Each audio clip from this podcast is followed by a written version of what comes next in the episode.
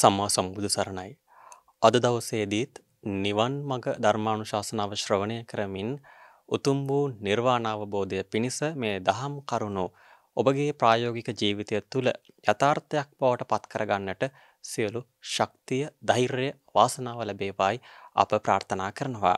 අද දවසේදීත් අපගේ නායක ස්වාමින් වහන්සේ නිවන් මඟ ධර්මානුශාසනාව සඳහා වැඩම කර සිටිනවා. එසේනම් වැඩමා වදාළ අපගේ ගෞරවනීය නායක ස්වාමින් වහන්සේ පළමු කොට පාද නමස්කාර පූර්වකව පිළිගනිමු. සාදු සාදු සාදු. අද දින නිවන් මඟ ධර්මානුශාසනාව සඳහා කල්යාණ මිත්‍ර දායකත්වය වශයෙන් සඳහන් කර තිබෙන්නේ හඟුරංකෙත පදිංචි MDM සමරකෝන් මහතා සහ රෝහිත යුදගනාව යන මහත්මා විසින්. එසේනම් අද දවසේදීත් නිවන් මඟ ධර්මානුශාසනාව ආරම්භ කිරීම සඳහා වැඩමා වදාළ අපගේ ගෞරවනීය නායක ස්වාමින් වහන්සේට පාද නමස්කාර පූර්වකව ආරාධනා කර සිටිනවා. අප ස්වාමින් වහන්සේට අපගේ නමස්කාරය වේවා. සාදු සාදු සාදු. ධර්මශ්‍රවණය කරන්නට ප්‍රථමයෙන් හැමදෙනාම තිසරණ සහිත පංචශීලයේ සමාදන් වෙන්න নমස්කාර කියන් තුනතාව. නමෝ තස්ස භගවතු අරහතෝ සම්මා සම්බුද්දස්ස.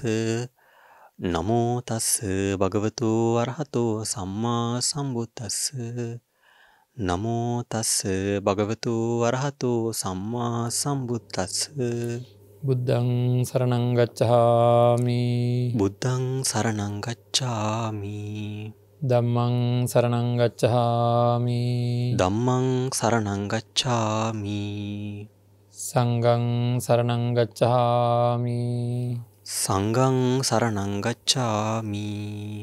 දෘතියම්පි බුද්ධං සරණංගච්ඡාමි දෘතියම්පි බුද්ධං සරණංගච්ඡාමි දෘතියම්පි දම්මං සරණංගච්ඡාමි දෘතියම්පි දම්මං සරණංගච්ඡාමි දෘතියම්පි සංගං සරණංගච්ඡාමි සරණං ගච්ඡාමි ဒ ුතියම්පි සංඝං සරණං ගච්ඡාමි ဒ ුතියම්පි සංඝං සරණං ගච්ඡාමි. තතියම්පි බුද්ධං සරණං ගච්ඡාමි. තතියම්පි බුද්ධං සරණං ගච්ඡාමි. තතියම්පි ධම්මං සරණං ගච්ඡාමි.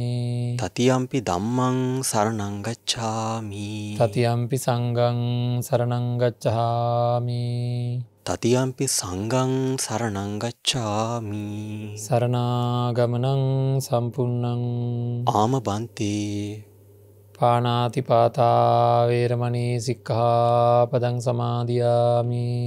සමාදියාමි පානාදිපාතා වේරමණී සික්ඛාපදං සමාදියාමි. අදින්නාදානා වේරමණී සික්ඛාපදං සමාදියාමි. අදින්නාදානා වේරමණී සික්ඛාපදං සමාදියාමි. කාමේසු මිච්ඡාචාරා වේරමණී සික්ඛාපදං සමාදියාමි. කාමේසු මිච්ඡාචාරා වේරමණී සික්ඛාපදං සමාදියාමි. මුසාවාදා වේරමණී සික්ඛාපදං සමාදියාමි මුසාවාදා වේරමණී සික්ඛාපදං සමාදියාමි. සුරාමේරය මජ්ජපමා දට්ඨානා වේරමණී සික්ඛාපදං සමාදියාමි.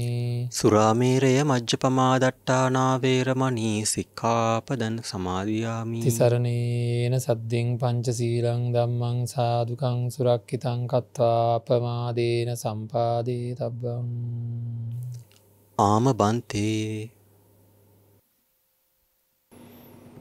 සමන්තා චක්කවාලේසු අත්‍රාගච්චන්තු දේවතා සද්දම්මං මුනිරාජස්ස සුනන්තු සග්ග මොක්කදං ධම්මස්සවන කාලෝ අයං භදන්තා ධම්මස්සවන කාලෝ අයං භදන්තා ධම්මස්සවන කාලෝ අයං භදන්තා. නමුතස්ස භගවතු වරහතු සම්මා සම්බුද්ධස්ස නමුතස්ස භගවතු වරහතු සම්මා සම්බුද්ධස්ස නමුතස්ස භගවතු වරහතු සම්මා සම්බුද්ධස්ස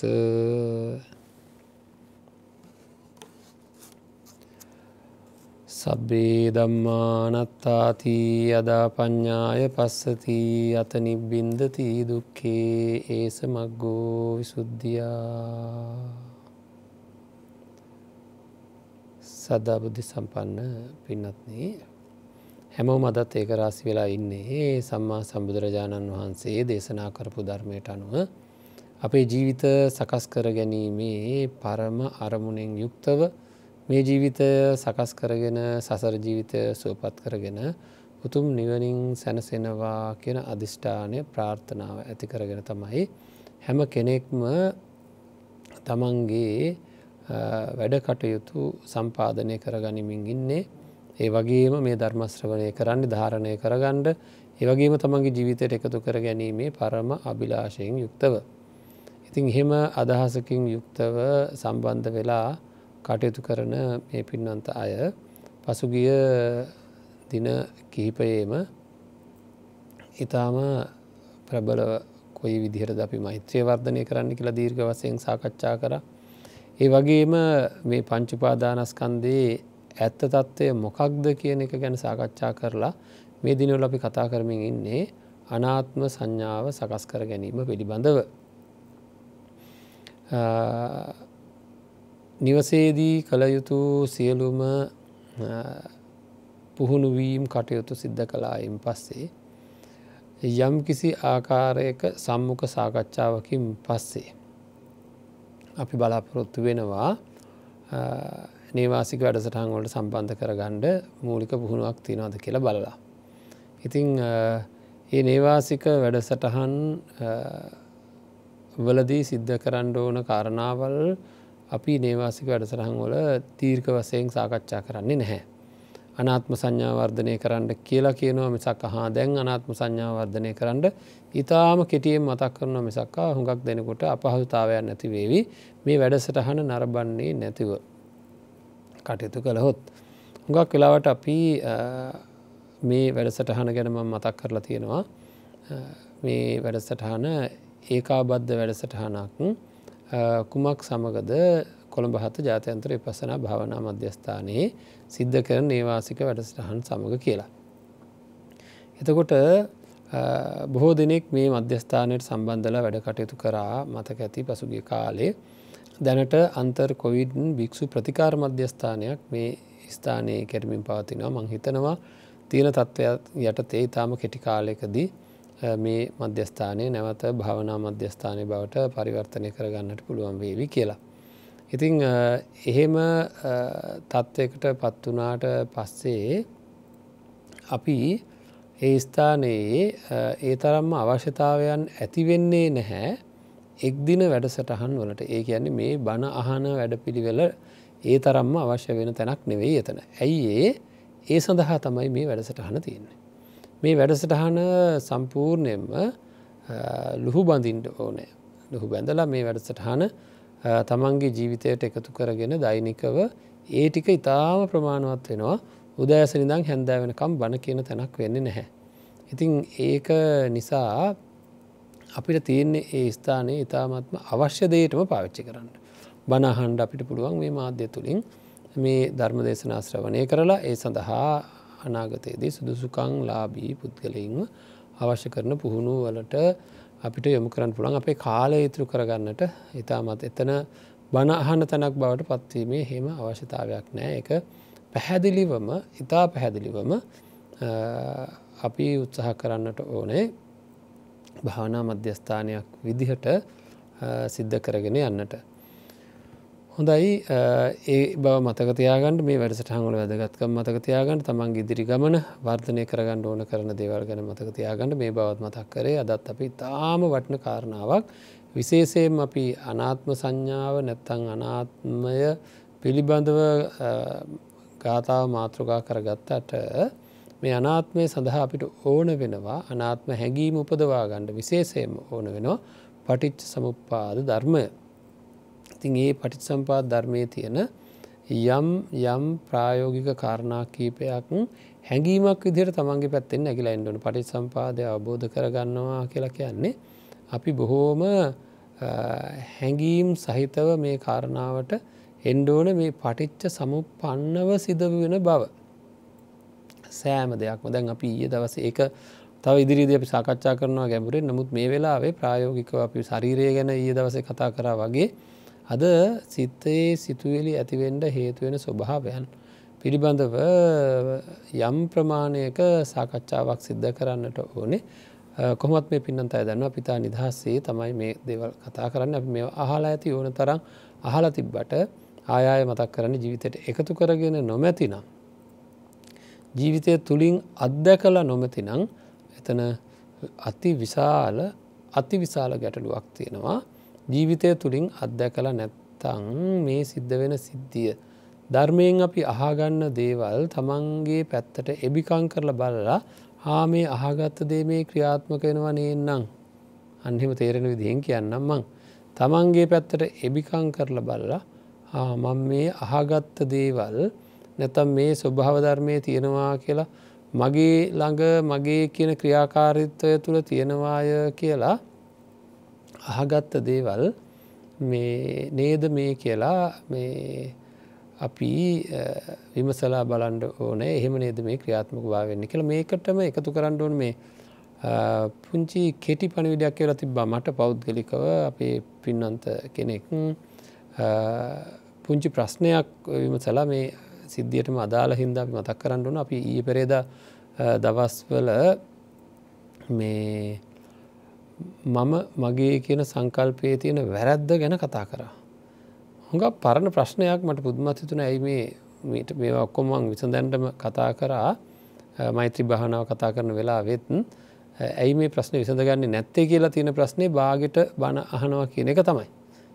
ඒකන්නේ එක දවසක් අහනවා එක දවසක් නෑ නැත්තං අහන දවසෙතන් වෙන වෙන කල්පනාවලින් හනද කියලා කොහොමනමුත් ඒට අවශ්‍ය පිළිතුර ලබාදීම යුතුකමක් මේ මෛත්‍රී භාවනාවේදී මගේ කියන මගේ පවුලේ අය මගේ මගේ කියලා අපි මම මගේ කියලා කතා කන මම වෛර නැත්තෙක්වෙන්වා තරහා නැත්තෙක්වෙන්වා දුක්පීඩා නැත්තෙක්වෙන්වා සූපත් වූ සිත් ඇත්තෙක් වෙන්වා කියලා කතා කරනවා. නමුත් මම මගේ කියලා දෙයක් නැත්තම් මොකට දෙහෙම කතා කරේ කියලා. ඉතින් ඒක තමයි මේ වෙනකට විසඳලා තියෙන්ට ඕන කාරණාව. ඇයි අපි එහෙම කරන්නේ? යම් කිසි දෙයක් මගේ හොඳට පැහැදිලි කරා යම් කිසි දෙයක් දැනෙනවා මගේ දෙයක් විදිහට. අපි හිතමුකෝ උදාහරණයක් විදිහට මැනික් පතලකින් ගොඩදාපු පස් ගොඩක් ඒක තාම පිරික්සල බල්ල නෑ මැනික් තියෙනවාද කියලා. ඉති මේ වලෙන් ගොඩදාලා තියෙන පස්කොඩ හරීම වටිනාකමක් තියෙන එක මමයි ගොඩ දැම්මේ එක බොහොම වටින දෙයක් කියලා මම හිතාගෙන ඉන්න. එහෙම හිතාගෙන ඉන්න කෙනා ඒකේ එක මැනිකක් හරි කොතනක හරි තියෙනවද කියලා පිරික්සල බලනවා. ඉතින් භාගයක් පිරික්සල බැලුවා දැන් හොඳටම පිරික්සල බලපු පස්කෝඩේ චුට්ටක්වත් නෑ. ඒ ඒ ටික ගැන යාට තිබ වටිනාකමුත් නැතිවෙලා යන යායට එක මගේ කියන අදහසත් නැතිවෙලාන එක වැඩක් නෑ කියල තේරලයනවා කැමතිකෙනුට කියක් හරිමන් දෙන්න මේ කරයන්න කියනවා. මෙච්චරකල් අමාරුවේ මුරකාවල් දාලා රැකපු පස්කොඩ අරගෙන යන්ට කියලා කියන්නේ පිරික්සල බලපුහා. පිරික්සල බලනකං හිතාගෙන ඉන්නේ මෙතන මැනික් තියෙනවා කියලා. අන්තිමට අපි හිතමුක එක කූඩ දෙක තුනයි පස්සිතුරුණේ කියලා අනිත් ඔක්කෝමටි කරයන්ට කියෙන මේටිකන යාරකිනවා. හරි ඒටික ආරක්ෂා කරනවා මොකද මැනික් තියෙනවා කියලා හිතාගෙන අන්න ඒ වගේ අපිට දැනට කෙනෙකුට දැනට කෙනෙකුට වර්තමානයේ දැනෙනවා මෙහෙම හිතනකොට මම මගේ කියලා. දැනෙනවා හැඟෙනවා යම් කිසි මොකක්දෝ පැහැදිලි නැති මංගක පැහැදිලි කර හොඳටම පැහැදිලි නැති චිත්‍රයක් තියෙනවා පැහැදිලි නැති තීව්‍ර සීමාවන් නැති තීව්‍ර සීමාවන්න මම කියලා හිතුවට තීව්‍ර සීමාවක් නැමෙන මේ කොටස තමයි ම කියන්න කියලා. සීමාමායින් හොයාගණ්ඩ පුළුවන්කමක් නෑ කොයි කොටසත කියලා නමුත් ම කියලා දැනෙනවා. මගේ කියලා දැනෙනවා. එතට ඔහු ඔහුගේ ඇය ඇයගේ ඒ කියලත් දැනවා. එතකොට ඒ වගේ දැනෙන දේවල් අතර තරහත් ඇති කරගන්න. මේක සම්පූර්ණ මුලාවක් මම අහවලත් එක තරහයි මම අහවල් කණ්ඩායමත් එක තරහයි අහවලා තමයි මේ වැඩේ කරේ කියල හැඟීම් තියෙනවා අපිට. අන්න ඒ හැඟීම ප්‍රබලව තියෙන හින්දා අපිට මේ මම මගේ ඔහු ඔහුගේ ඇය ඇයගේ ඔවුන් ඔවුන්ගේ කියන දෙවල් වල තියෙන මිත්‍යාව හඳුනාගණ්ඩ බෑ. ඒ මිත්‍යාව හරියට හඳුනාගණ්ඩ නං ඒවා අතර තියෙන සම්බන්ධතා ප්‍රබල සම්බන්ධතා බැඳීම් සහිත සම්බන්ධතා ගැටීම් සහිත සම්බන්ධතා කියන තරහ වැනි දේවල් ඒක හින්ද ඒ දේවල් කෙරෙහි ඇත්ත වැහිලම තියෙනවා. හරි ඇත්ත වැහිලම තියෙනවා අපේ පින්නත්න ඒ ඇත්ත වැහෙන එක ගැනත්මන් කතා කර අර අපි හැමදාම කියන කටේ දාගෙන ඉන්න ටොෆි එකක් අනුන්ගේ දරුවෙක් දුන්නොත් ඒකේ පිළිකුල දැනෙනවා තමන්ගේ දරුවෙක් දුන්නොත් දෙමවපියන්ට ඒ පිළිකුල දැනෙන්නේ නෑ. අන්නේ දැනෙන් නැතේ පිළිකුල කියන එක වැහෙන හින්දා.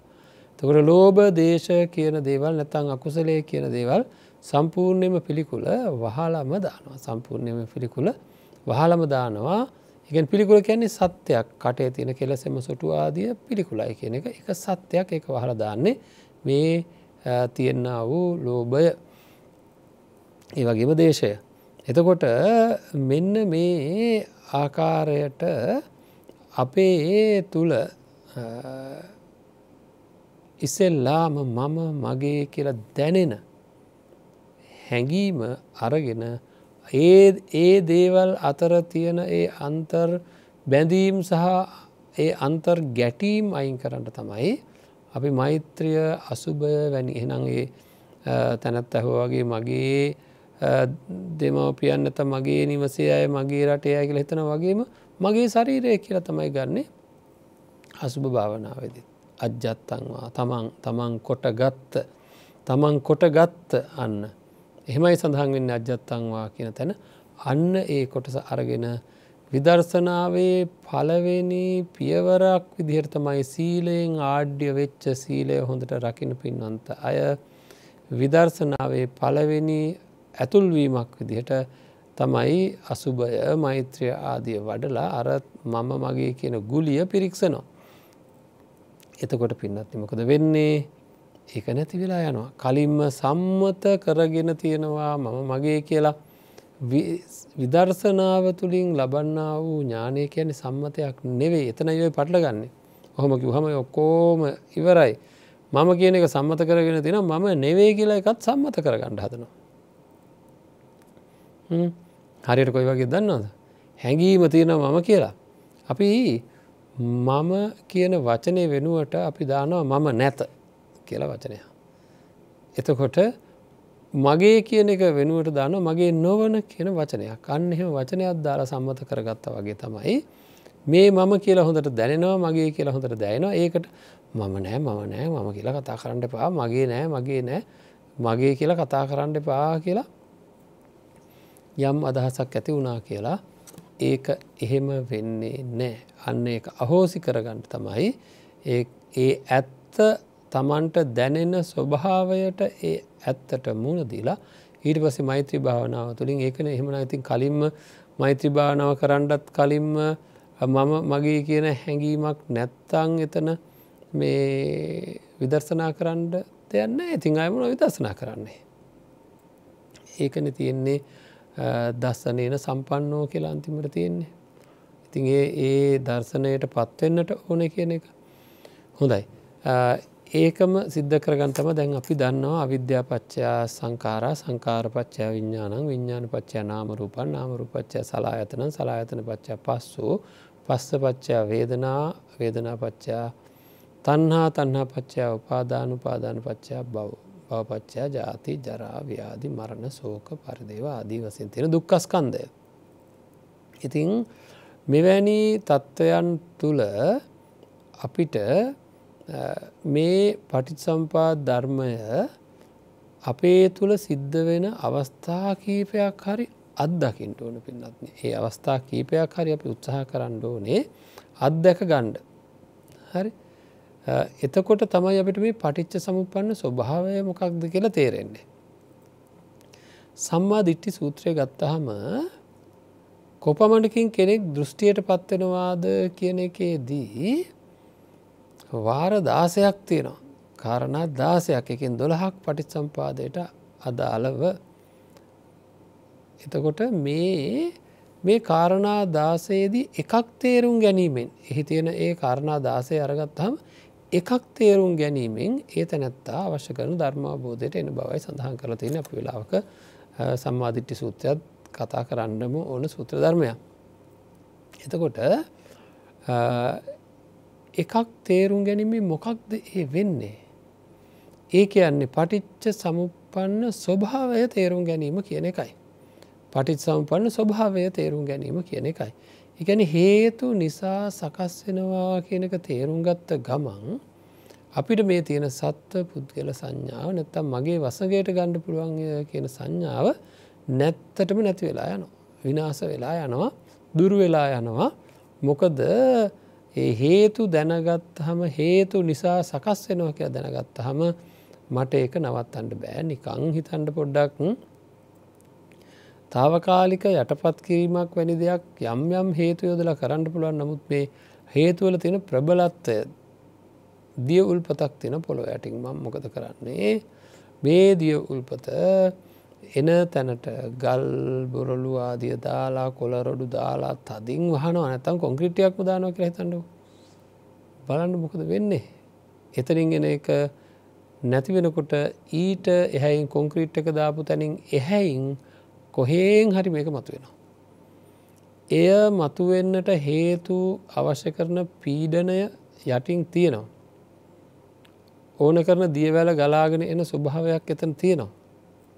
එහෙම තියෙනවා නම් පින්නත්නේ ඒක කොහෙන් හරි මතුවෙනවා.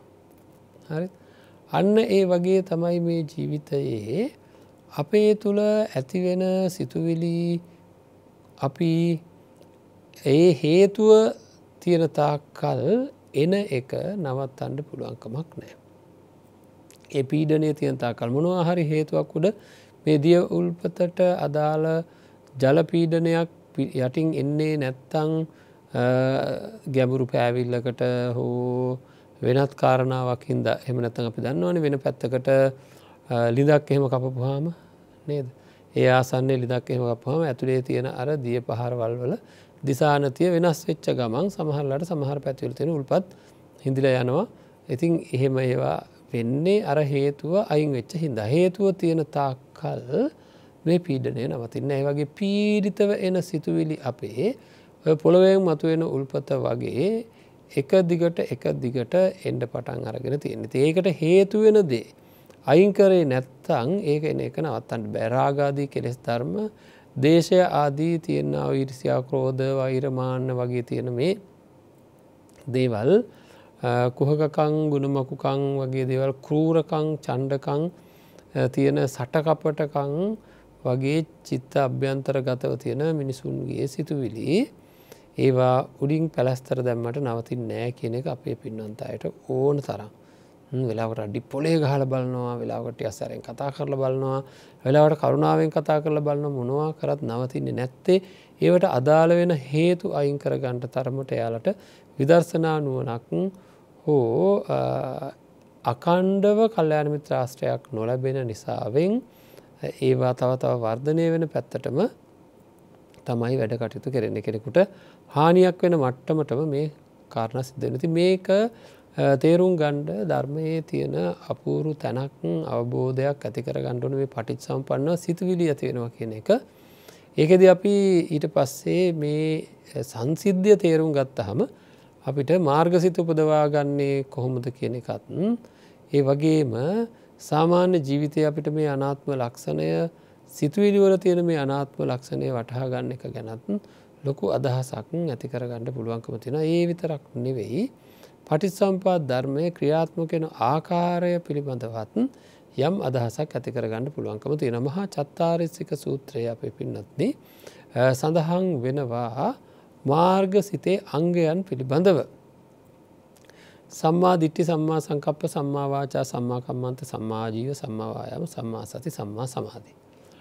මෙන්න මේ කියන අංගයන් අට මාර්ග අංග බවට පත්වෙලා ඒකැනේවා ඉහළම තැනට පත්වෙලා ඒ අට එකතු වීමෙන් ඒ අට හේතුවීමෙන් මාර්ගසිත හැදෙනවා කියන කාරණාව. ස උපනීසෝ ස පරික්කාරෝ කියලයි මේක සඳහන් කරලා තියෙන්නේ. හරිද එතකොට මේක එකතු වෙන්ඩ ඕන හේතුවෙන්ඩ මොකද මේ එකතු වෙනවා හේතු වෙනවා කියලා කියන්නේ. හරි චුට්ටක් විමසල බලන්ඩ හොඳට විමසල බලන්ඩ එතකොට අපිට මේක අපූරුවට ඉතා අපූරුවට තේරේවී. මේ කාරණාවේ තියෙන මහා පරපතල ස්වභාවය. මේ අංගාට ගැන අපි වෙනම කතා කරනවා. මේ අංගට ඉහළම අංගට විය යුතුයි. සම්මාධිට්්‍ය සම්මා සංකප්ප ආදිය එක කෙන තුළ තියෙන එක විදිර විශේෂය සම්මා සංකප්පකව හම සමහරයට ප්‍රබලව මෛත්‍රය තියෙන සමහරයට දුබලව තියන්නේ. දැන් අපි මෛත්‍රය ගැන කතා කරපින්ද එක හොඳටම දන්න එතකොට ඔය මෛත්‍රිය කියන එක මෛත්‍රී චේතෝ විමුක්තිය දක්වා අපි කතා කරන්නේ. චේතෝ විමුක්තිය තමයි තක්කෝ විතක්කෝ සංකප්පෝ අපනාව අපනා චේතසෝ අභිනිරෝපනා කියල සඳහන් කරලා තියෙන්නේ. අන්න ඒ මෛත්‍රී චේතෝ විමුක්තිය තමයි මාර්ග අංගයක් වෙන්න ඒ වගේම අනෙකුත් සෑම ආරෙස්ටෑන්ක මාර්ගය තියෙන අංගයක්ම චෛතසික ධර්මයන් අපේ සිත්තුල උපදින අන්න ඒ චෛතසිකයන් මාර්ගංග දක්වාම ප්‍රබලව වර්ධනය වුණට පස්සේ ඒ අට වෙන්වෙන් වසයෙන් අපේ ළඟ වර්ධනය වෙලා ඒවා මාර්ගංග දක්වා වර්ධනය වෙච්ච ඒ චෛතසික ධර්මයන් අටම හේතු වෙලා එකතු වෙලා තමයි මාර්ග සිත උපදින්නේ. තර ඔන්න වගේ මූල ධර්මයක් ඔතන තියෙනවා. ඒ මූලධර්මය තමයි මේ මාර්ග සිතේ සංයුතිය. ඒ අපි හොඳට දන්නව නම් අපිට වෙන වෙනම අංගටික සම්පූර්ණ කිරීමේ වගකීම තියෙන බව තේරෙනවා එකත් අපි පසුව කතා කරන්න ඕන දෙයක්. අපේ මේ සාකච්ඡා අතරේ අපිට ඕන කරන නේවාසික වැඩසටහංවලට ඕන කරන ධර්ම දැනුම පින්නත්න්නේ මේ පටිසම්පා ධර්මය සම්මාධිට්ටි සූත්‍රය තුළින් මහා නිධාන සූත්‍රය තුළින්. ඒ වගේම දැන්ඔය මාර්ගසිත ගැන මහා චත්තාරීසික සූත්‍රය වගේ සූත්‍ර ඒ වගේම සල්ලේක සූත්‍රය වැනි සූත්‍රවල තින මේ පරියාය ධර්මයන් ගැන අත්‍යවශ්‍ය කාරණාවන්. ඒ පරියාය ධර්මයන් ගැන හරියට හැදෑරුවොත් නට විශේෂයම විතක්ක සන්ටාන් සූත්‍රයේ තියෙන කාරණාවල් හරියට හැදෑරුවොත් ඒක මහා පුදුමාකාර මානසික විසඳුමක් මේ සාමාන්‍ය ජීවිතයට අපි කුඩාවට තියෙන සූත්‍ර ධර්ම කියලා හිතුවට අපි කතා කරපු ආගාත පටිවිනේ සූත්‍ර වැනි සූත්‍ර ධර්මයන්වල තියෙන කාරණා කොච්චර නං ප්‍රායෝගිකව අපේ ජීවිතයට එකතු කරගණ්ඩ පුළුවන්ද කියන එක අපිට දැනෙන්ඩ ඕනේ ආය ඉතින් කිසිම අඩුවක් නැතුව පුදුමාකාර සන්තෝසයක් පුදුමාකාර හැඟීමක් අපිට තියෙන්න්නට ඕනෑ අපේ පින්නත්නේ මේ දේවල් පිළිබඳව. හොඳයි දැන් එතකොට අපි දැනගණ්ඩ ඕන හොඳට අපේ පැත්තෙන් බලලා මේ හේතු වෙනවා එකතු වෙනවා කියන්නේ මොකක්ද කියලා. ඒක හරීම සරල විදිහට තේරෙනවා අපිට ඒ තේරීමත් එක්ක ඒ සියල්ලම ගැඹුරෙන් තමන්ගේ සෑම ක්‍රියාකාරිත්වයකම තියෙන බව තේරුම් ගණ්ඩ පුළුවන් වීමෙන් අපිට ලොකු ප්‍රායෝගික පැත්තකට එන්ඩ පුළුවන්කමක් තියෙනවා. දැන් අපි පොඩ්ඩක් අපේ අපේ ක්‍රියාකාරිත්වයන් ගැන චුට්ටක් විමසල බලමු. අපි හිතමු යම් හයකින් අපි හිතාගෙන ඉන්නවා කියලා යම් පිරිසක් හොඳයි කියලා. එක හොඳ උදාහරණයක්. එකම හැම්බිලීම උදාහරණය ගන්න. මේක එකතු වෙන හැටි හේතුවෙන හැටි තේරුම් ගණ්ඩ. මට දැනට තියෙන සිතුවිල්ල තමයි දහ දෙනෙක් ඉන්නවා. දහ දෙනා ඉතාම හොඳයි කියලා මගේ කණ්ඩායම ගැන මේ දහ දෙනා හරිම සත්පුරුසය හරිම හොඳ මිනිස්සු කියලා හිතාගෙන ඉන්නේ. එහෙම මට කවුරට කියලා දීලා තියෙනවා. කවුහරි මට එක දැනුන් දිලා තින මේ කට්‍යත් එක බයනත වැඩ කරන්න මේ කට්ටිය මෙහෙම හොඳ කට්ටිය මෙහෙම හොඳ කට්ටිය කියලා. ඉටවස මම්මොකද කරන්නේ? එක්කෙනෙක්ව ආශ්‍රය කරනවා. එක්කෙනෙක් හොඳින් ආශ්‍රය කරනකොට ඔන්න මට සිතුවිල්ලක් එනවා මෙයා නං අන්තිම නරකයි කියලා. යාවටික කාශ්‍රය කරන යනට දන්නවනේ අපිට බුදුරජාණන් වන්සේ දේශනා කළ තින කෙනෙක් ගැන පූරණිගමනයක් ගණ්ඩපා දීර්ඝ කාලයක් ආශ්‍රය කරලා තීරණයක් ගණඩ ඒ කෙනගේ ලක්ෂණයන් පිළිබඳව කියලා. ඉතින් එතකොට ඔන්න අපිට තේරෙන මෙයා අන්තිම නරකම නරක කෙනෙක් කියලා දැන් මට බලන්ඩ සිතුවිල්ලක් තමයි ඇතිවෙන මෙයා පොහොම නරක අන්තිම නරක කෙනෙක් කියල සිතුවිල්ලක් තමයි ඇතිවෙන. දැමන් දෙවනියෙක් කෙනාවත් ආශ්‍රය කරනවා. එයත් අන්තිම නරකයි නරක වැඩ හරීයට තියෙනවා. දැම්මට සිතුවිල්ලක් එනවා දෙවනියෙක් කෙනා ගැන එයත් නරකයි කියලා. දැ එච්චරයි මං කරේ. මගෙන් අවසරයක් නැතුව මේ සිද්ධිය සිද්ධ වෙන හැටි බලන්ඩ මේ සිතුවිලි දෙක පලවෙනික් කෙන නරකයි කියල සිතුවිල්ලක්කාව දෙවනික් කෙන නරකයි කියල සිතුවිල්ලක්කාව මේ සිතුවිලි දෙක හේතු වෙලා එකතු වෙලා. බලන්ඩකෝ මට එනවා සිතුවිල්ලක් දෙන්නම අන්තිම නරකයි කියලා. ඒ දෙන්නම අන්තිම නරකයි කියලා මට ආපු සිතුවිල්ල එන්නට මගේ පැත්තෙන් මොකක්ද වෙන්නට ඕනේ? එක්කෙනෙක් නරකයි කියෙන සිතුවිල්ලත් තවත් කෙනෙක් නරකයි කියෙන සිතුවිල්ලත් දෙකම තියෙන්ඩුව තොට ඒ දෙක්කම කලින් ඇතිවෙච්ච සිතුවිලි ඒ දෙක හේතු වෙලා එකතු වෙලා මොකද උනේ? දෙන්නම නරකයි කියර තනි සිතුවිල්ල කතුන්ගනිියත් ආශ්‍රය කරාට පස්සේ එයත් අන්තිම නරකයි කියර තේරුණා. ඒ තේරෙනවා කියලා කියන්නේ සිතුවිල්ලක් උපදිනවා කියන එකයි. ඒ සිතුවිල්ල අර දෙකත් එක්කම හෝ දෙන්නම නරකයි කියලා ඇතිවෙච්ච සිතුවිල්ලත් එක්ක හෝ එකතු වෙලා මොකද වනේ? මන්දන්නෑ කොහොමුණනාද කියලා. නමුත් කාරණාව සිද්ධ වුණා. මොකක්ද උනේ තුන් දෙනාම නරකයි කියලා තනි සිතුවිල්ලකටාව ඒක මංකරගන්න නිම තනි සිතුවිල්ලක් ඇති කරගන්නු තුන් දෙනාව නරකයි කියලා කවදදාක්වත් මට අදහසක් එන්න මේ සරල සිද්ධිය තේරුම් ගණ්ඩ ඔය විදිර දහ දෙනා ගැනම වෙන වෙනම වෙන වෙනම වෙන වෙනම මං හොල බැලුවා. ඒ ඒ වෙලාවල්ල ඒ ඒ කෙනා නරකයි කියල තනි සිතුවිල්ලක් ඇතිවෙනවා හා සමගම මොකද වනේ? අරකට එකතු වෙන හැටි බලන්න. හය දෙනාම නරකයි හත් දෙනාම නරකයි අට අන්තිමට ඔක්කොම නරකයි කියලා තනි සිතුවිල්ලකටාව.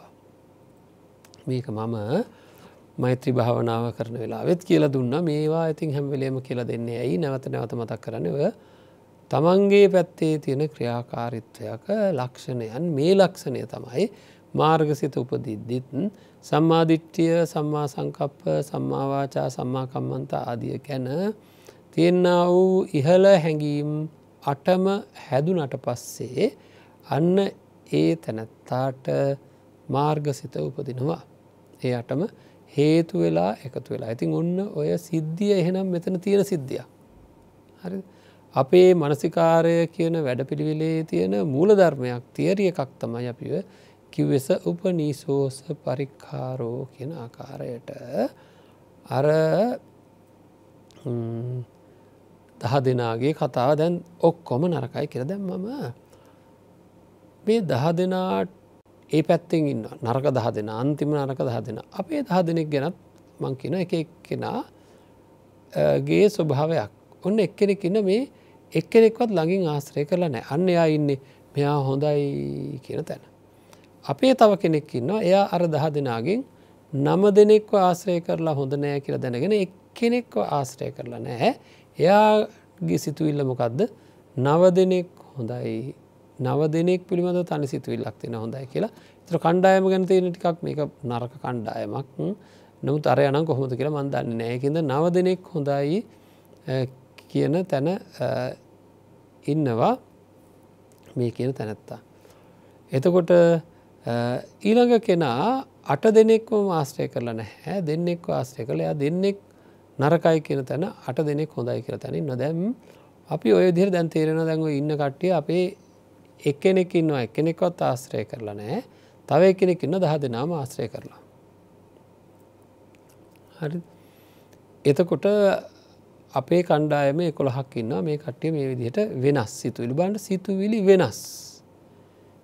මේ එකොළොස් දෙනාගේ සිතුවේ වෙනස්. එක්කෙනෙක් එක්කෙනෙක්වත් ආශ්‍රය කරලන තව එක්කෙනෙක් එක්කෙනෙක් ආශ්‍රය කර තව එක්කෙනෙ දෙන්නෙක් ආශ්‍රය කර තව එක්කෙනෙ තුන් දෙනෙක් ආශ්‍රය කර තව එක්කෙනෙක් දහ දෙනාම ආශ්‍රය කරලා එවිදිට පෝලිමක් ඉන්න අපේ කොළොස් දෙනෙක්. මේ කොළොස් දෙනාට හටගන්නේ සිතුවිලි එකොළහක් ජාති එකොළහක්. දැන් තේරෙනවා අපේ පින්නන්ත පිරිසට ඇයිඒ කියලා. ආශ්‍රය කරලා හඳුනාගෙන තියෙන ආකාරය. අතීත හඳුනාගෙන තියෙන ආකාරය හේතු වෙලා එකතු වෙලා වර්තමාන සිතුවිලි අර අපේ එකොළොස් දෙනා තුළ ඇතිවෙනවා.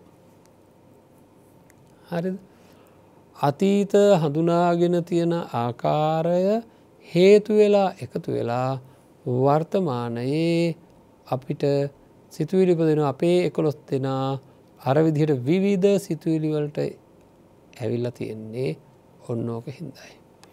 අදහස් වෙනස් අදහස් වලට හේතුව අතීත හඳුනා ගැනීම් අතීතයේ ඇතිවෙච්ච සිතුවිලි ඒවා හේතු වෙලා එකතු වෙලා තමයි එන්නේ අපේ පැත්තට හොඳයි. දැන් එතකොට ඔය ඕක ගැන අපි දන්නවා එකවරකට එන්නේ එක සිතුවිල්ලයි කියලා දැ මේ දහ දෙනා ගැන එහෙම සිතුවිලි ඇතිවෙන ස්වභාවයක් අපේ කොළොස් දෙනාට තියෙනවා. අපේ කොළොස් දෙන වෙන මොනු හරි වැඩක් කරන වෙලාවක ඒ දහ දෙනා ගැන අදහසක් තියෙනවද. ඊට අමතරව අපි හිතමුකෝ අපේ කට්ටියට තියෙනවා කියලා වෙන මොනුහරි දේශනාවක් නැත්ත වෙන ඉගෙන ගත්ත දෙයක් ගැන මතක් කරන්න ඔය වගේ වෙන දැක හෙමනැත්තන් අම්ම තාත්තගේ කටයුත්තක් ඔය වගේ මොකක් හරි එකක් මතක් වෙන වෙලාවට මේ දහ දෙනාට අදන්න අපිතු ඔය දහ දෙන එක්කෙනෙ ගණඩකුම එම කියන්නකෝ ඔය එක්කෙනෙක් තමන්ගේ ස්වාමිදියනියත් එක්ක පුංචි අමනාපයක් ඇති කරගන්න වචනයක් එහෙම වෙලා ඔය කොළොස් දෙනගේ එක්කෙනෙ දැම්මකද වෙන්න? මොකක් හරි ටිකක් දරුණු නපුරු වචනයක් කිව්වා. දැන් අර අර එකොළොස් දෙනා ගැනත් අදහසක් එන ස්වභාවයක් තියෙන මනසකන. දැම මේ වෙන ප්‍රශ්නයක් එයාට ඇවිල්ලා එක්කෙනෙකුට. මේ නපුරු වචන කිව්වට පස්සේ මෙයාට එක පාරටම තරහක් ඇවිල්ලා මේ ඒ තරහට අදාළ සිතුවිල්ලක ඉන්න වෙලාවේ මෙයාට මොකද වෙන්නේ? අන්න පරණ ඔය වගේ වචන කියපු දේවල් ඔක්කෝ මතකරයට පටන් ගන්න. එහෙනම් අර පරණ වචන කියපු දේවල් කියන්නේ පරණ ආශ්‍රය කරපු දේවල්. දැන් දවස් දෙකතුරකට ඉස්සෙල්ලත් මෙහෙම කිව්වා ඊටත් ඉස්සෙල්ල මෙහෙම කියලා තියෙනවා ඊටත් කලින් අන්න. එහෙනම් එයාගේ තුළ හේතු වෙන ගතියක් තියෙනවා අන්නර පරණ කියපු ඒවා වගේ. හරිද මේ ස්වාමිදිය නියම ඔය කොළොස් දෙනාගේ වෙන කෙනෙකුට වචනයක් කිව්වා. වෙන කෙනෙකුට මොකද කරන්නේ මොනහරි අර වගේ ඒව නපුරු වචනයක් කිව්වා කෙහෙ දන්නක. ඒ අනිත් කෙනාට ඒ වෙලාවේ ඒකට තරහ මිසක්ක පරණ ඒවා හේතු වෙලා එකතු වෙලා අධික තරහක් ඇතිවෙන ස්වභාවයම නෑ. අධික තරහක් ඇතිවෙන ස්වභාවයම නෑ ඒකැන ඒව එන්න නෑ එන්ඩ නැහැ. එන්ඩ නැත්තේ මොකේද අතීත මතකයේ අතීත සිතුවිලිවල ඒවා නැහැ. එහෙද යාට එහෙම එහෙනම් මේ දෙන්න අතරගත්තු දැම් මේ එයාගේ ස්වාමී පුතනුවන් සහ වෙනත් කෙනෙක් ගත්තහම එයා දෙන්නට වෙන වෙනම බැන්නොත් එහෙම කවුරුහරි ස්වාමි එක්කෙනෙක ස්වාමි දියනිය ඒ ස්වාමි පුත්‍රයාට පරණ සිද්ධ වෙච් ඔක්කෝ මතක් වෙනවා මෙයාට මතක් වෙන්න නැත්තේ මතක් වෙන්න දෙයක් එතන නැහෙනම් පරණ ඒවා හේතු වෙලා එකතු වෙලා වර්තමාන සිතුවිල්ලක් ආව. කාටද මේ ස්වයම්පුරෂයට අරයට පරණ දෙවල් හේතුවෙන් තිබුණ නැති හිද යට හෙම එකක් එන්න ඒ මොහොත ඇති වෙච්ච තරහ තමයි ඇතිවෙන් අරයට පරණව ඔක්කොම එකතු වෙනවා. එතුර දැන් තේරෙනවද අපිට මේ එකතු වෙන හේතු වෙන ස්වභාවයක් තියෙනවා අපේ මේ අතීත සිතුවිලි. දැන් ඊළඟ ප්‍රශ්නය මෙවා හොඳට තේරුම් ගණ්ඩෝනේ දැන් හරි. එතකොට අපි හැම කෙනාම ගත්තහම අපි හැම කෙනාටම අතීතයක් තියෙනවා. හරි හැම කෙනාම ස්පර්ශ කරපු අතීතයක් තියෙන එක්කො ඇහෙන් දැක කනෙන් අසා නාසයෙන් දිවෙන් ශරීරයෙන් මනසෙන් අපි ස්පර්ශ කරපු ඒ කියලා කියන්නේ ඒ ඒ හඳුනාගත්ත නිකං නිකං අපි අතගාගෙනාව වගේ. යම් යම් අතීතයේ දේවල් අන්නේ වගේ අපි ඔක්කොටෝම තියෙනවා අතීතයක්. ඒ එකෙක් කෙනගේ එකෙක් කෙනගේ අතීතය වෙනස් ලබල තියෙන අත්දැකින් වෙනස් ඉගෙනගෙන තියෙන දේවල් වෙනස්. ඔක්කෝ වෙනස්. පුංචි කාලදං අම්මලාගේ තාත්තරගෙන් හගත්ත දේවල්. වටේ පිටේ තමන්ට ඇතිවෙච්ච පරිසරයෙන් දැනගත්ත දේවල් ලබපු අත්දැකී මෙ ඔක්කෝම වෙනස්. හරිද ඒ හැම දෙයක්ම වෙනස් එතකොට මේ සෑම දෙයක්ම වෙනස් නිසාවෙන් මේ හැම දෙයක්ම වෙනස් හින්දා අපි එකෙක් කෙනාට එකෙක් කෙනාට එක එක දේවල් ගැන ඇතිවෙන සිතුවිලි පුද්දු මාකාර විදිහට වෙනස්. මෙන්න මේ වෙනස් සිතුවිලි අපේ තුළ ඇති වෙනවා. ඒවා ඇතිවෙන්නේ අතීතයේ ඇතිවෙලා නැතිවෙලාගේ සිතුවිලි හේතු වෙලා මිසක්ක මේ මේ වෙලා වේ නෙවෙයි. හරිද? මේ වෙලාවේ හිතල අපිට ඇති කරගණ්ඩ බෑ. අන්න එකයි අතීතය හේතුවෙන තුර අපි ඔක්කොම ගත්තහම අපි ඔක්කොට මංකවන අතීතයක් තියෙනවා කියලා. මේ අතීතය ගත්තහම සිද්ධි ගොඩක්. මේ සිද්ධි හමුවේ සිද්ධි ගොඩක්නේ. මට බැන්න ඒවා මට ආදරෙන් කතා කරපු ඒවා එතකොට මට මොනහරි දුන්නේවා මගේ මොනහරි හොරකං කරගත්තේවා මේ වගේ අතීතයේ සිද්ධි ගොඩාක් තියෙනවා. මේ සිද්ධිවලට අදාළව සිද්ධි කියන ඒවාට අපිට ආය යන්ඩ බෑ. අතීත සිද්ධිවලට ආය යන්ඩ බෑ. මම ඊයේ හැන්දෑවේ කාත් එක්ක හරි බහිම් බස්වීමක් සිද්ධ වුණා ඒ සිද්ධියෙහි මම මෙන්න මේ ඕන් නැති වචනයක් කිව ඒකද මං ඊය හැන්දෑවට ගිහිල්ලා මං ඒ සිද්ධියේදී ඒ ඕන් නැති වචනය කියන්න නැතුව සිද්ධිය සිද්ධ කරලා එන්ඩෝනේ ආයසරය එහෙම සිද්ධියට යන්න බෑ. ඒක තමයි අපිට තියෙන ලොක්කුම අකර තැබ්බය ආය නේද? ආපස්සට මුකුත් කරන්න බෑ සිද්ධිය සිද්ධ වුණාට පස්සේ. ඒක වෙලා ඉවර දෙයක් ආය කරන්න බෑ.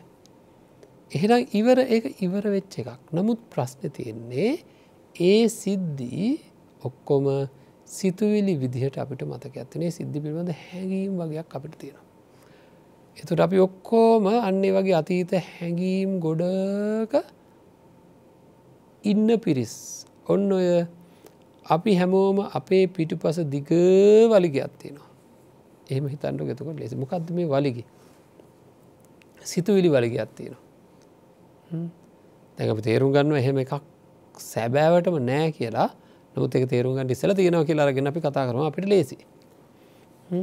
හැමෝටම සිතුවිලි ධාරාවක් අතීත සිතුවිලි මාලාවක් තියෙනවා. ඒක නිකං අපි කියමු. එකට නිකං පූල් එක කියලා කියන්න දැන්ව කියන්න හරයට මේ තරගේදී එක්කෙනෙ අයිුණ පූල් එකෙන් ගන්නවා කියලා කියනවා. අන්න ඒ වගේ අන්න එහෙම තැනක් තියෙන අපි ඔක්කොටෝම මහා ගැඹුරු අතීතයක් තියෙනවා.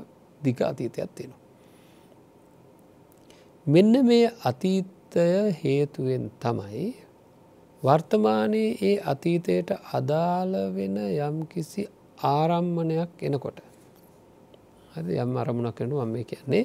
පටිසම්පාද ධර්මය තියෙන අපිට අවශ්‍ය කරන තැන්කීපයක් ඒ කියන්නේ හැම එකක්ම ඕන සැබෑවටම ඕන. නමුත් තේරුම් ගැනීම සඳහා අපි පුංචි සිද්ධියක් කරගෙන ඒක තේරුම් ගණඩ යන්න අපේ තුළ තියෙන මොකක් හරි අරමුණක් එනවාමට දැන් බලන්ඩ අර ස්වාමි පුත්‍රයාව ගමු අපි අර සිද්ධිය වෙච්ච එය අර දහ දෙනා ගැනමත් මෙනෙහි කරලා තියෙන දැන් දහ දෙනාව අරමුණු වෙන වෙලාවට එයාට දහ දෙනාම නරකයි කියලා. ඒ ගානට අප එක්කෙනෙක් කියලා හිතන්ටකු දහ දෙනාව ගැන නරකයි කියලා ගත්ත මේ ස්වයම් පුරුෂයට කියල හිතමක මේ ස්වාමදීනය බැන්නේ. දහ දෙනාම නරකයි කියලා එයාලා එක්කෙනෙක් හරි මතක් වෙද්දී දහ දෙනාම නරකයි කියලා අදහස එනවා. හැබැයි ස්වාමිදියනිය බැන්න එක මතක් වෙද්දී දහ දෙනාම නරකයි කියෙන අරමුණ එන්නේ නැහැ අර පරණ බැන්න ඒවා තමයි දැන්ගෙන්නේ. ආය මේ දහ දෙනාගේ එක්කෙනෙක් හරි මතක්කද මේක එනකොට අරක නෑ අරක එනකොට මේක නෑ. ස්වාමිදියනිය බැන්න එක ගැන මතක් වෙද්දී දහ දෙනා ගැන අදහස නෑ දහ දෙනා ගැන මතක් වෙද්දි අර අදහස නෑ දෙකක් එකට එන්නේ නෑ. හැබැයි දෙකම ළඟළඟ ළඟළඟ ඇතියෙන ස්වභාවයන් තියෙනවා. හැබැයි එක වැර මේ දෙක ඇතිවෙන්නේ නෑ. ඒක තමන්ගේ තුළින් විමසා බලන්න මොනවාහරි වෙන දෙයක් ගැන කල්පනා කර කරිද්දි අර පීඩිතදේ අපිට පීඩිතව දැනෙන්නේ ඒකයි ඔය කියන්නේ වෙන දේකට හිතයොමු කරන්න කියලා මානසිකව ගැටලු ආපුහම වෙන දේකට හිතයොමු කරන්න කියලා. හරි දැන් එතකොට දැන් මේ ස්වාමි පුරුෂයා තනියමින්න කියන්ටක පැත්තකට වෙලා එයාට එක වෙලාවක අර දහ දෙනා ගැනත් මතක් වෙනවා එක වෙලාවක ස්වාමිදීනය ගැනත් මතක් වෙනවා. හැබැයි මේ දහ දෙනාම නරකයි කියන හැඟීම ප්‍රබලව එයා වැඩියෙන් වැඩියෙන් වැඩියෙන් ආශ්‍රය කරලා තිබ්බා නං වැඩියෙන් මතක් වෙන්නේ. ඒක යට දැනුනේ වැඩියෙන්න්න අපි කෙන අතීතේ මොනහර දෙවල අපිට හොතර දැනෙනවා කියලා. දැනුනේ වැඩියෙන්න්නම් ඒක මතක් වෙනවා. එතකොට ස්වාමිදීනය බැන්න එක නම් යට වැඩියෙන් දැනිලා තියෙන්නේ වැඩියෙන් තේරිලා තියෙන වැඩියෙන් ආශ්‍රය කෙරලා තියෙන්නේ. ඒක තමයි නැවත නැවත මතක් වෙන්නේ. අපි එක හොන්දටම දන්නවා. අපි ගොඩක් සමීපනං කාට හරි ඒ සමීප අයව අපිට වැඩියෙන් වැඩියෙන් මතක් වෙනවා. සමීපකං අඩුයි නං එයාලා වැඩිය මතක් වෙන්නේ නැහැ. හරි ඒක සිද්ධියක් ඒවා සිද්ධිය.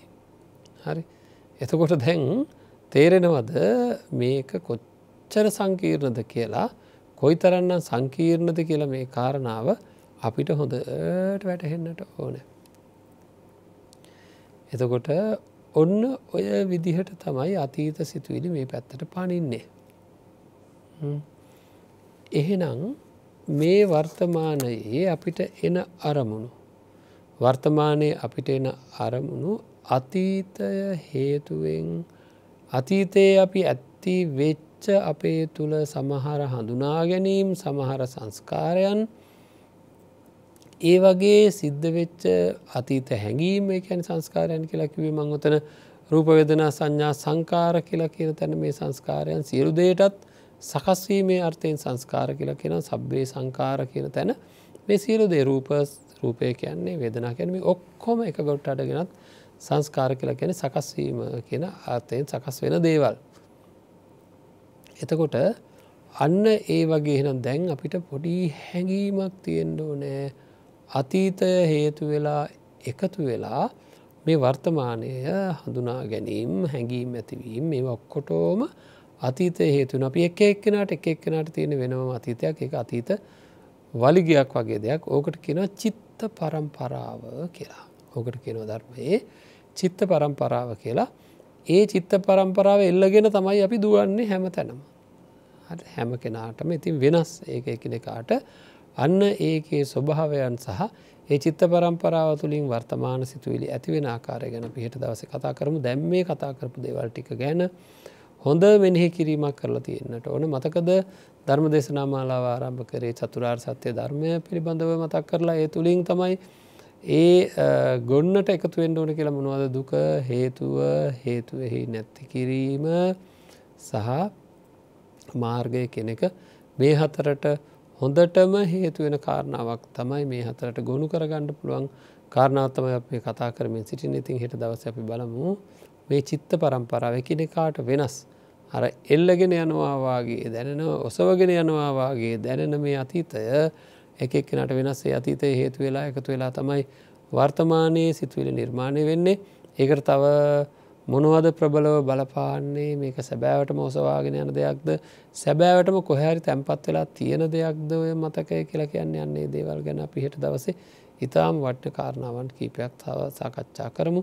එතකොට තමයි අපට මේ සිතුවිලි පිළිබඳව පූර්ණ වසයෙන්ම පටිත් සම්පන්නව සිද්ධ වෙනවාය කියන හැඟීමට එන්ඩ පුළුවන්කම තිනිති මේ දිනවල පටිසම්පාත් ධර්මය තියෙන පොත්පත් අරගෙන ඒවා ගැන යම් අධ්‍යනයක් කරන්න පින්නත්න ඉක්මනින් යමක් තේරුම් ගන්නට පුළුවන් විතින් හැම දෙනාටම තමන්ගේ ජීවිතය තේරුම් අරගෙන සසර ජීවිතය සූපත් කරගෙන සියලු දුක් ඇතිවෙන සිතුවිලි සහතන්නා සහගත දුක් ඇතින සිතුවලි කියන්නේම තන්නා සහග සිතුවිලිතින් ඒ සිතුවිලිවලින් තමන්ගේ හිතමුදවාගෙන ඉතාම සුවදායක තත්වකට පත්වන්නට කාරණා දැනගෙන තමන්ගේ ජීවිතය අවබෝධ කරගන්නට හැම දෙනාටම ශක්තිය ධෛරය වීරය අධිෂ්ඨානය වාසනාව ප්‍රඥාව ලැබේවා කෙලපි ප්‍රාර්ථනා කරනවා හැම දෙනාටම සම්මා සම්බුදු සරණයි.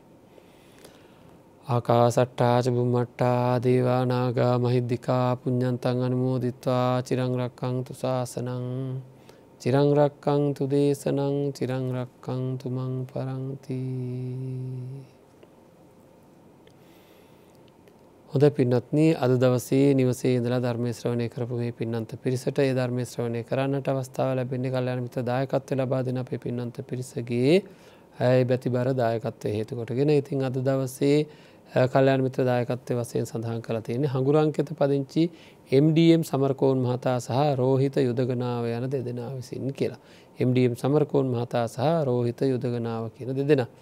නොවම්බර් විසිහතරවෙන් දිනට ජන්මදින යදන හගුරංකත පජති MDM සමරකෝන් මහතා වෙනින් මෙම පින්කම සිදු කරන ලබයි කියල සඳහන් කළ තියෙනවා. සියලු දෙවියන්ද මේ පින් අනුමෝදන් කර ගනිත්වා. කේබි මීගස්වත්ත පියාණන්ට සතිස්චන්ද්‍ර කපුරු බණ්ඩාර පියාණන්ට දෙසැම්බර් දෙවැනි දිනට මිය පරලෝගොස් වසර දාසයක් සපිරෙන TMA කපුරු බණ්ඩාර මෑනියන්ට සහ මල්කාන්ති බස්නායක මෑනියන්ට නන්දාවති බස්නායක මෑනියන්ට ටීජී ප්‍රේමාවති මෑණියන් ඇතුළු මේ සඳහා දායකත්වය දරණ අයගේ නමින් මිය පරලොගිය සියලූම ඥාතීන්ට සහ සංසාරගත සියලුම ඥාතීන්ට මේ සියලු පුුණ ශක්තිය අනුමුදන් වේවා. දේශකයන් වහන්සේ ඇතුළු මහා සංගරත්තයෙන් දෙතුක් නිරෝගී සිර ජීවනය තික්මන් භාවයකද උතුම් නිර්වාණාව බෝධයත් වේවා කියලා සඳහන් කරලති අතරවාරයේදී දායකත්වය දරන MDM සමරකෝන් රෝහිත ජනප්‍රිය යුද්ධගනාව යන අයට සහ පවුලේ සිරු දෙනාට නිදුක් නිරෝගී සුවය ලබේවා ධර්මය ශ්‍රවණය කළ සිරු දෙනාට උතුම් චතුරා සත්‍ය ධර්මය අවබෝධ වී නිර්වාණ සාන්තියෙන් සැනසෙන්න්නට හේතුවේවා කියල සඳහන් කරලා තියෙනවා. ඇතින් සමරකෝන් මැතිතුමා රෝහිත යුදගනා මැතිතුමා ඇතුළු ඒ දෙපල බලාපොරොත්තු වෙන ආකාරයටම සුජීවත්වාසය කරන හැම දෙනාටම දුක් නිරෝගී චිර ජීවනය ලැබේවා. සියලු යහපත උදාවේවා කියලපි ප්‍රාර්ථනා කරනවා. ඒවගේ මේ ව්‍යසනකාරී කාලයේදී කිසිදු අනතුරකට පත් නොඒවා නිබන්ධව නිරතුරුව සසර වසනතාකල් කල්්‍යයාන මිත්‍රාශ්‍රයම ලැබේවා. පාප මිත්‍රස්ත්‍රකට පත්ව ඒවා උතුම් නිවනින් සැනසෙනට හේතු ඒවා කියලා ප්‍රාර්ථනා කරන අතරවාරයේදී මේ පරලයන්නට දුන සිලුම ඥාති මිත්‍රාදින්ට මේ පින්නන මුදන් වේවා. එයත්තන් සුගතිගාමි වේවා සුගතියෙන් සුගතියට පත්වේවා සාන්ධයුතුම් නිවනින් සැනසෙන්න්නටම මේ සිල්පුුණ ශක්තින් හේතු ඒවා කියලා ප්‍රාර්ථනා කරනවා. හැම දෙනාටම සම්මා සම්බුදු සරණයි. ජයමක පිළිසරණ. මනුෂ්‍යත්වය වෙනුවෙන් හෘදයාංගම ලබඳියාව